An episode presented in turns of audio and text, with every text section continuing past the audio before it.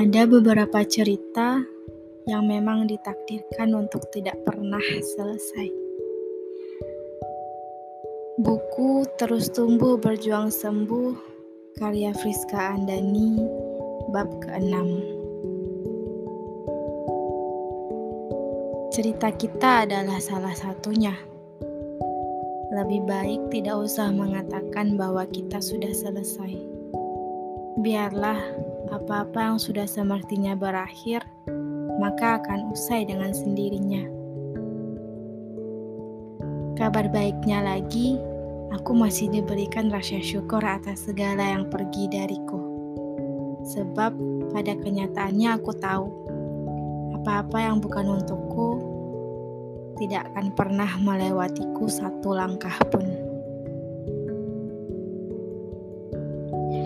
Kalau ibarat buku, kita adalah cerita yang belum mulai, tapi sudah berada di lembar terakhir.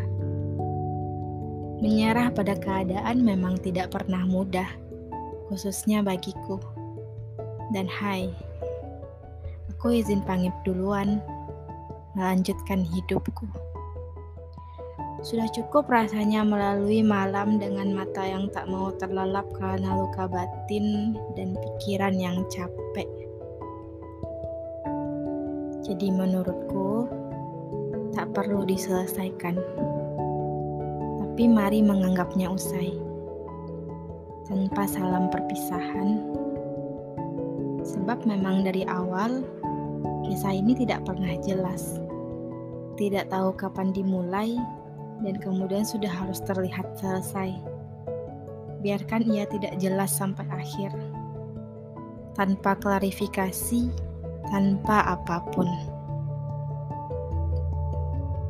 Percayalah, sebelum benar-benar sampai pada titik keputusan ini, aku adalah sepasang hati baru yang utuh dan dipatahkan paksa berdebat dengan diri sendiri tentang keberanian dan fitrah.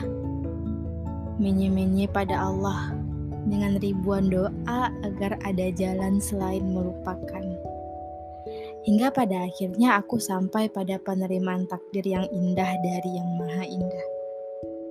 Bahwa memang satu-satunya jalan adalah ikhlas dan mundur.